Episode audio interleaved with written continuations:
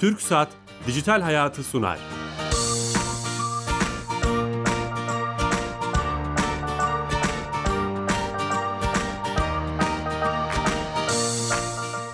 Herkese merhaba, ben Bilal Eren. Teknoloji, internet ve sosyal medyanın daha geniş anlamda dijitalleşmenin hayatlarımızı etkilerini konu edindiğimiz Dijital Hayat programımıza hoş geldiniz. Her cuma saat 15.30'da TRT İstanbul Harbiye stüdyolarından sizlerle beraberiz. Ee, bugün e, son yıllarda gittikçe önem kazanan kişisel veriler konusunu konuşacağız. Ee, kişisel verilerimizi nasıl koruyacağız? Kişisel verileri koruma kanunundan nasıl faydalanacağız? İzinsiz reklamlarla nasıl başa çıkabiliriz?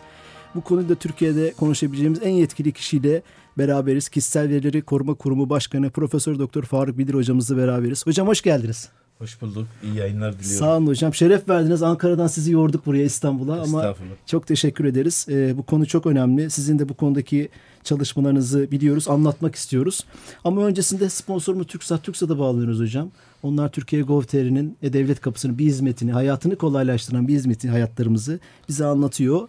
Fatih Bey telefon attığımızda. Fatih Bey. E, merhabalar Bey. İyi hoş, Sağ olun, hoş geldiniz yayınımıza. Sağ olun, teşekkür ediyorum. Bugün hangi servisi hizmeti bize anlatacaksınız? Ya bugün güncel e, iki hizmetimizden bahsetmek istiyorum. Bildiğiniz gibi dün itibariyle e, Cumhurbaşkanlığı Millet Kütüphanesi e, açıldı. Evet, çok güzel. Vatandaşlarımız kullanabilecekler. Oranın girişiyle alakalı iki hizmet entegre ettik. Onunla ilgili bilgi vermek istiyorum. Birinci hizmetimiz üyelik oluşturma ve güncelleme. Millet Kütüphanesi'ne e-devlet kapısı üzerinden bu hizmeti kullanarak herhangi bilgi belge istemeden üyelik oluşturabilecekler ve mevcut e, oluşacak üyelik, üyeliklerini de güncelleyebilecekler. E, diğer hizmetimiz ise hızlı giriş kartı. Ziyaretçiler e, millet kütüphanesine gittikleri zaman e, webten de olsa, mobilde de olsa oluşturabilecekleri 24 saat geçerli hızlı giriş kartıyla barkodlu bir şekilde turnikelerden geçebilecekler hızlı bir şekilde. E, bu 24 saatte geçerli olan kartın süresinin dolması üzerine tekrar yine E-Devlet'ten e, aynı giriş kartını oluşturabilecekler. QR kodlu bir şey oluşacak herhalde belki de. Telefonu mu evet. gösterecek oradaki cihaza? Aynı şekilde oradaki turnikelerden telefonu gösterip giriş yapabilecekler.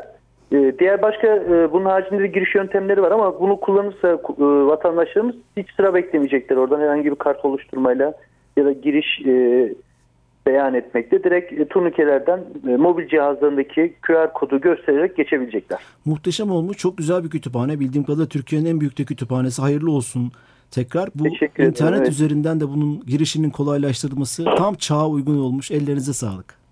Çok teşekkür ederim. Çok sağ olun. İyi yayınlar diliyorum. Sağ olun. Teşekkürler. Evet TürkSat'a bağlandık. Çok güzel bir haberi bizimle paylaştı Fatih Bey.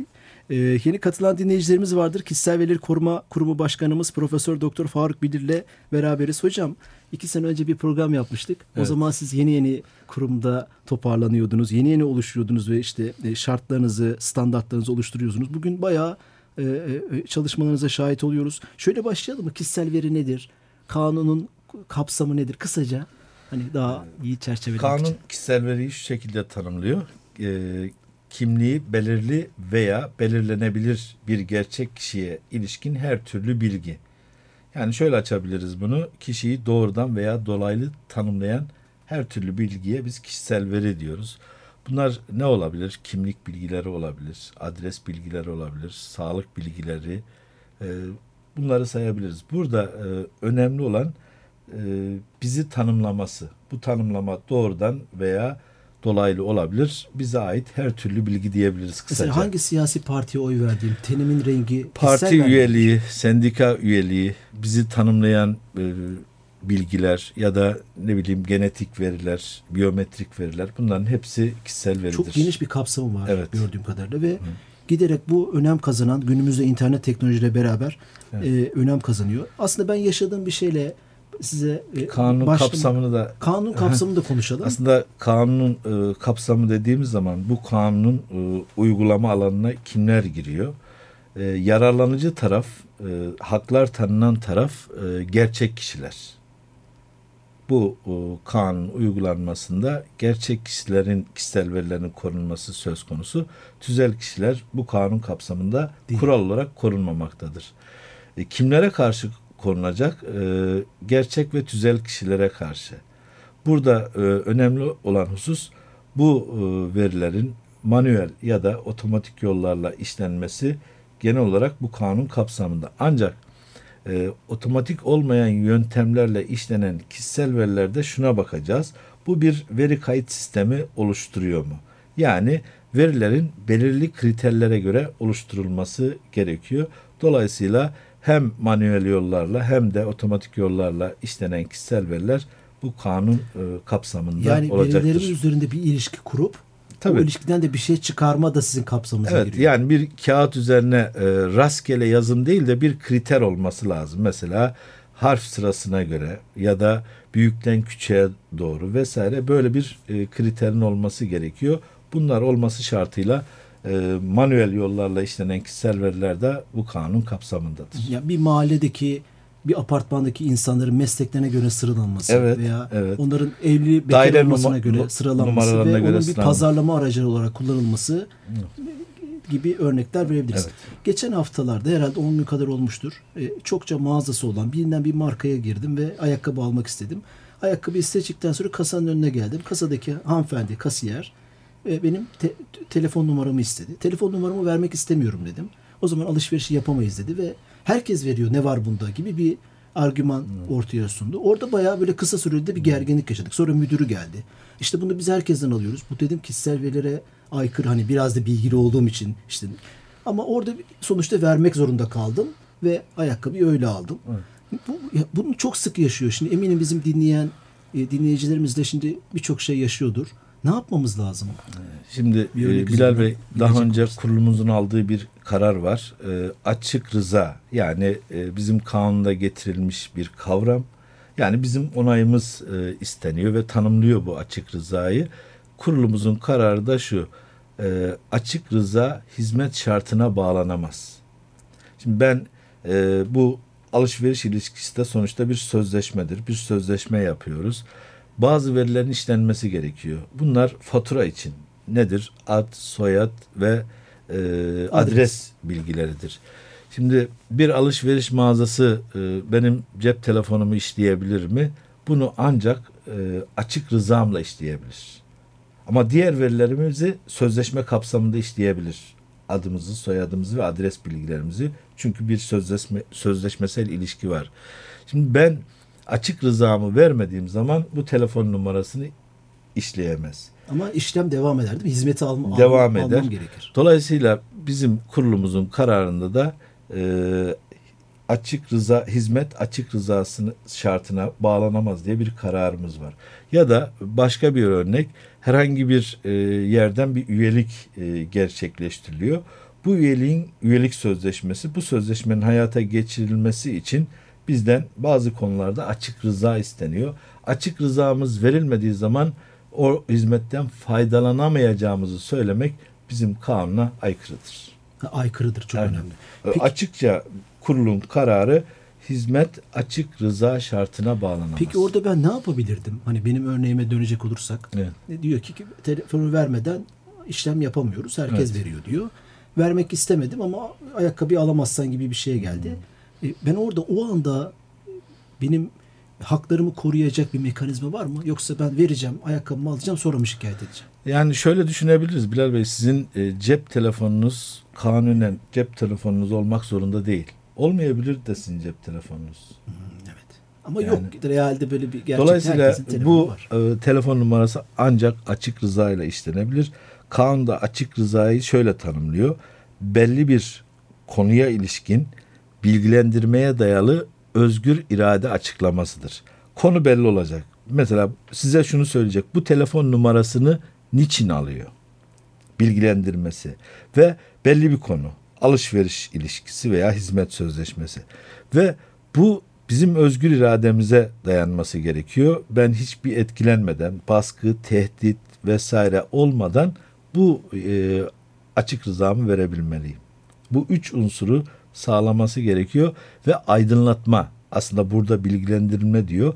Kanun 10. maddesinde de bir aydınlatma yükümlülüğü getiriliyor. Herhangi bir şekilde veri işlemeye başlamadan önce bu e, aydınlatmanın yapılması gerekiyor.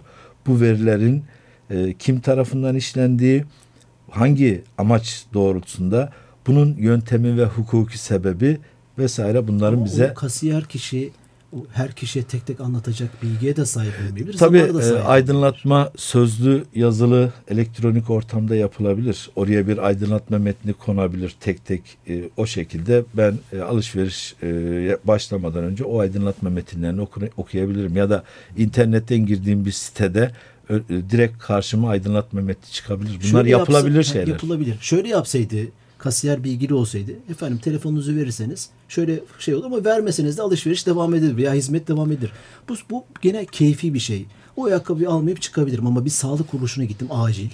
Özel bir sağlık kuruluşuna. Acil bir durumum var. Diyor ki parmak izini almadan veya şu numaranı vermeden şu bilgine işlem yapmam. Orada ben ciddi bir problem yaşıyorum. Hızlıca tedavi olmam lazım örnek. Yani öyle sıkıntılı durumlar olabilir ki bu metini okuma ve açık rıza sohbetlerini yapacak zaman olmayabilir tartışmaları. O zaman ne yapacağız? Şimdi e, Çok zor bir konu farkındayım Ee, ama kanun, ne diyor? Kanun, kanun e, hem ilgili kişiler bakımından e, haklar getiriyor. Yani gerçek kişiler. E, diğer taraftan da veri sorumlusu diyor. Teknik bir kavram. E, genel olarak şunu söyleyebiliriz. Bir verinin e, niçin alındığını yani amacını belirleyen ve aracını belirleyen e, gerçek veya tüzel kişi. Bunlar içinde bir takım yükümlülükler getiriyor. Aslına bakarsanız kanun e, genel olarak şunu öngörüyor. E, kişisel verilerin işlenmesini disiplini altına almak, gelişi güzel veri işlememek.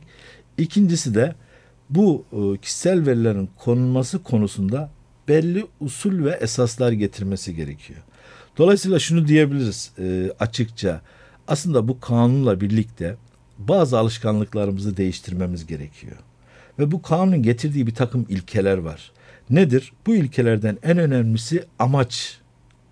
Yani biz hangi veriyi hangi amaçla amaç için alıyoruz ve ölçüllük. O amacı gerçekleştirmek için bu kadar veriyi almaya gerek var mı? Bir test yapmamız gerekiyor. Elimizde bir araç var, bir de amaç var. Ee, şöyle diye, diyebiliriz. Ee, araç kişisel verilerin işlenmesi. Amaç alışveriş.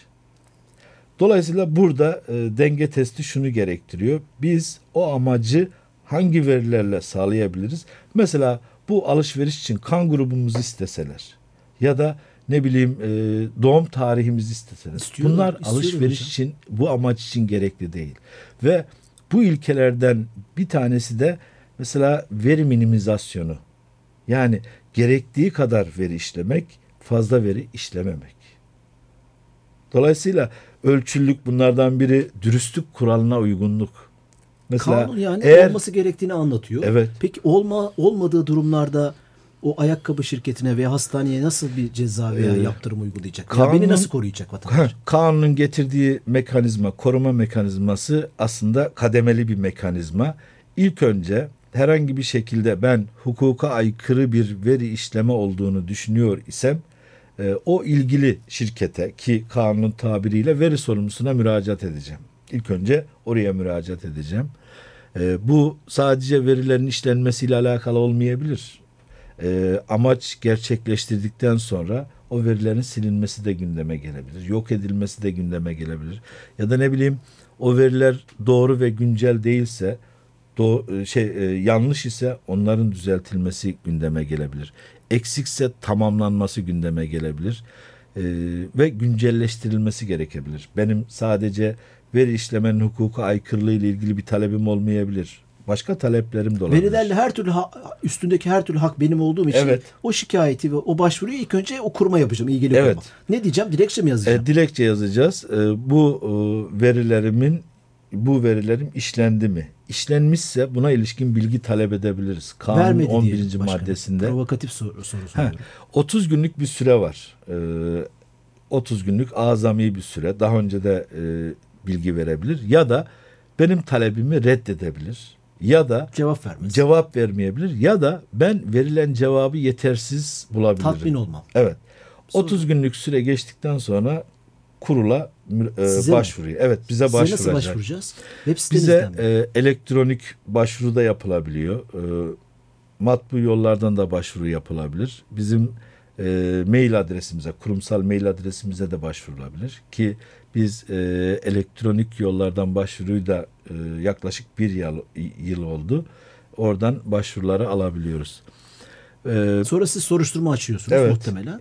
Ama bir süre geçiyor değil mi? 6 ay, bir Ama sene neyse. süreler belirlenmiş. İşte e, veri sorumlusunun cevabını öğrendiği tarihten itibaren 30 gün içinde bize başvuracak ve e, bu başvuruya e, azami 60 gün içinde bir cevap verilmesi gerekiyor. Sizin tarafınızdan evet, bana evet. verilecek başvuru. Aslında baktığımız zaman e, mekanizmanın hızlandırıldığını görüyoruz.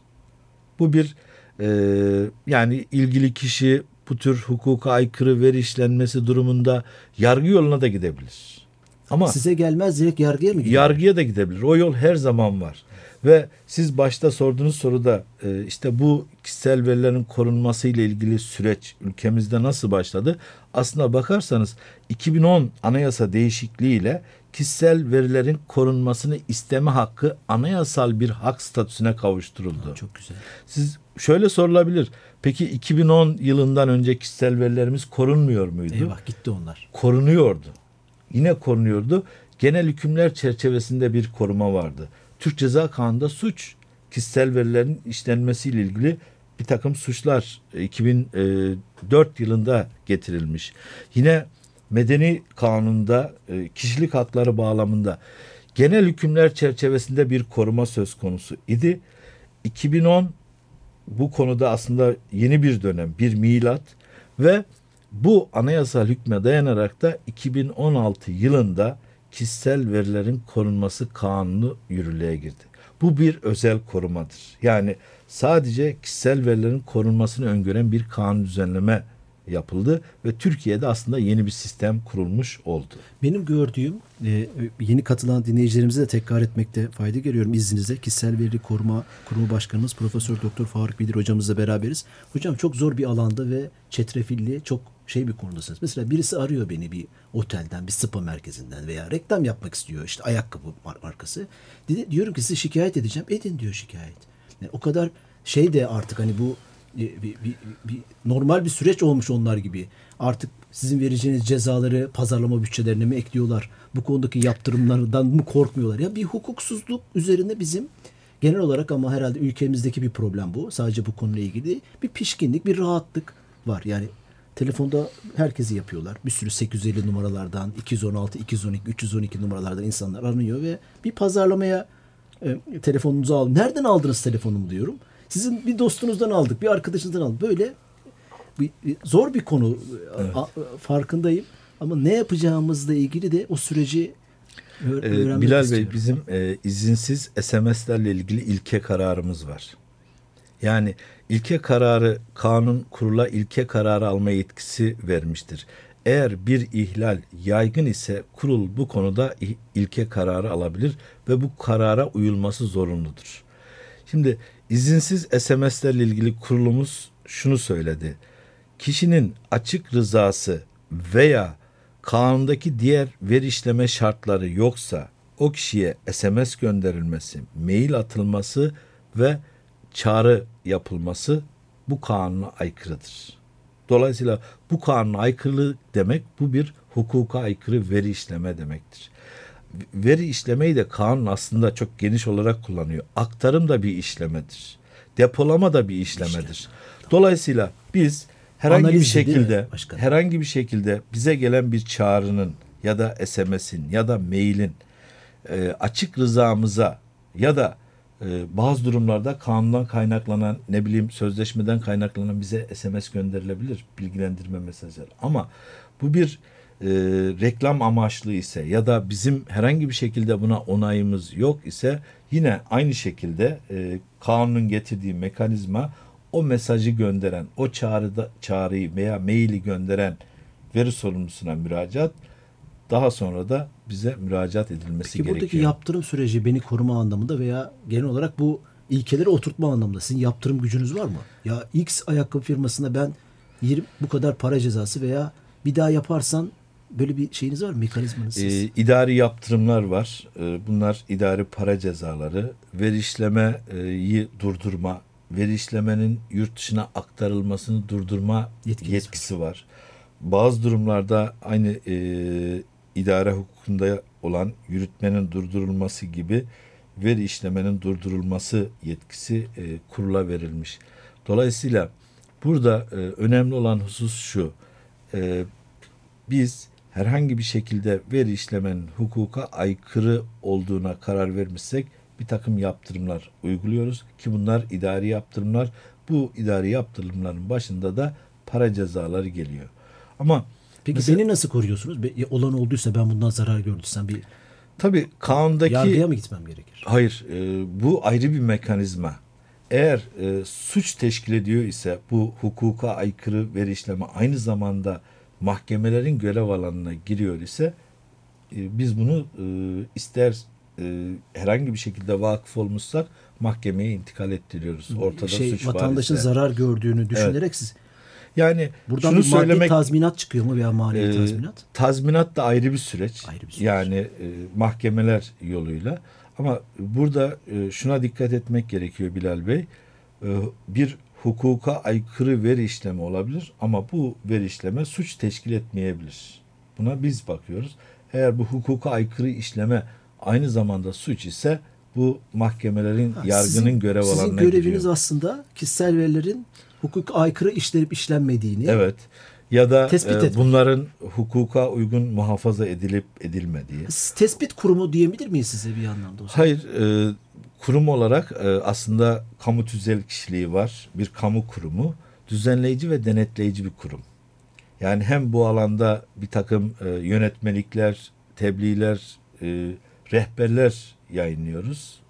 Hem de bunun denetimini yapıyoruz. Yani bu kanunun uygulanmasıyla ilgili bu kanunun verdiği görevleri yerine getiren kamu tüzel kişiliğine e, haiz özerk bir yapıda bir kurum. Bu açık rıza ile ilgili aklıma bir soru geliyor.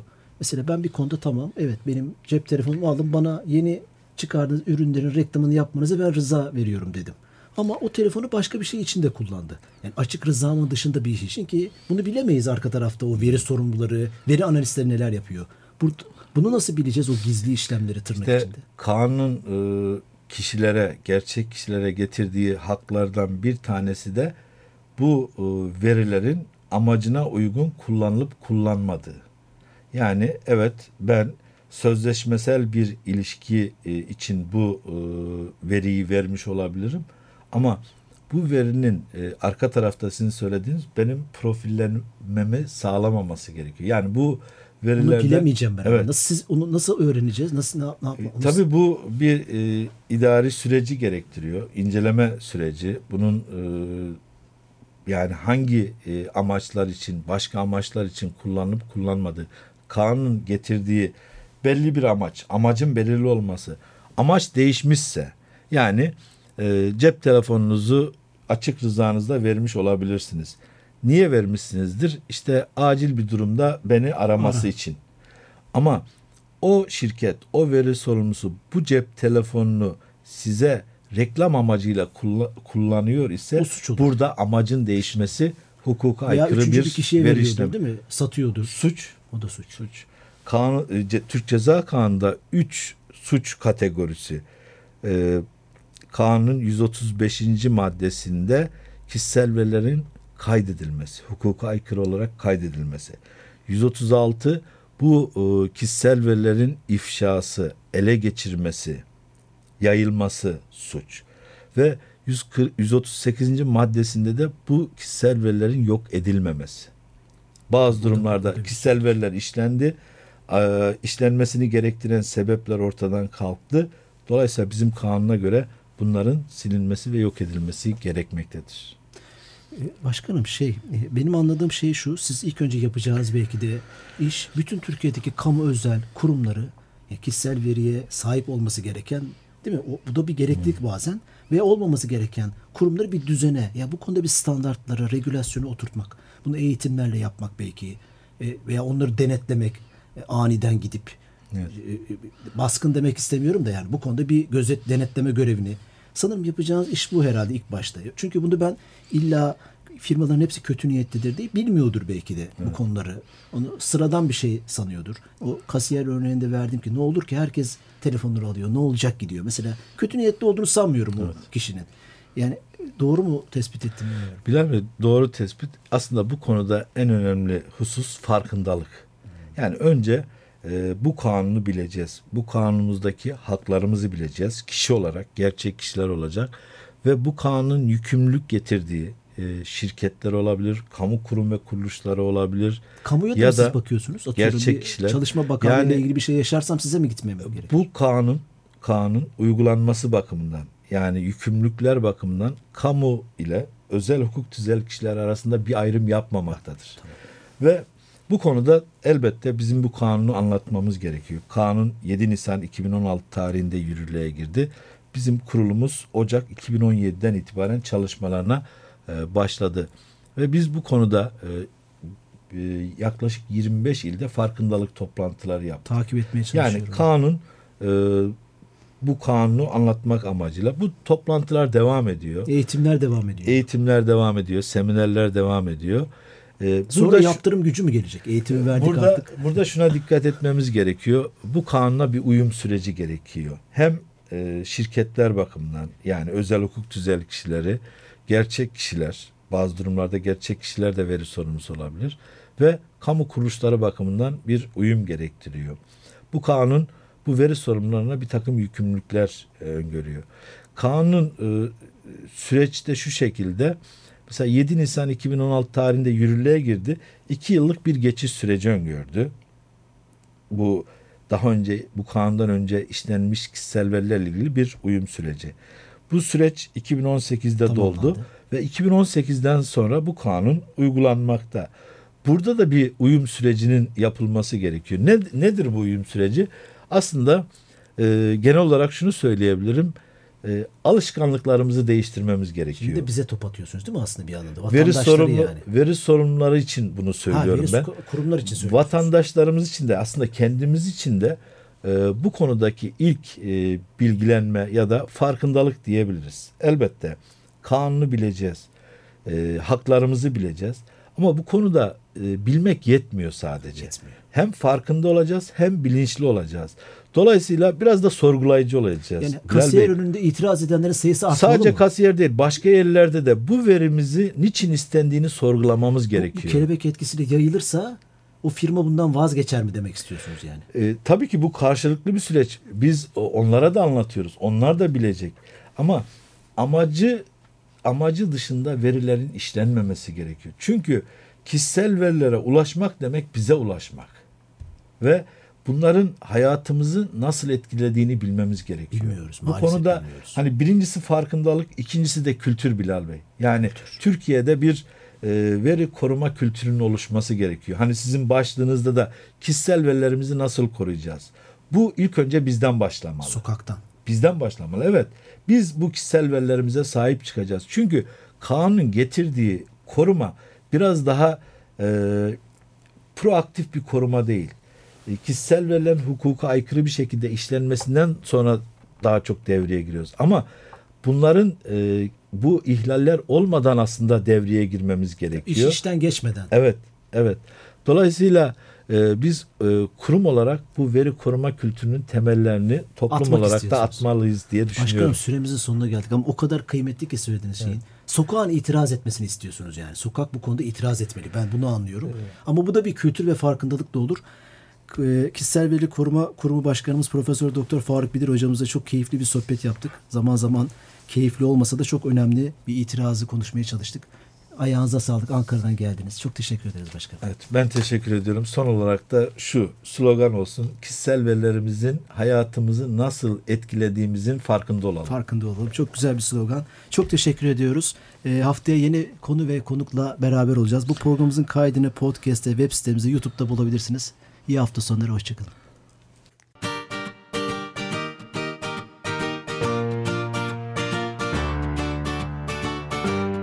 TürkSat Dijital Hayatı sundu.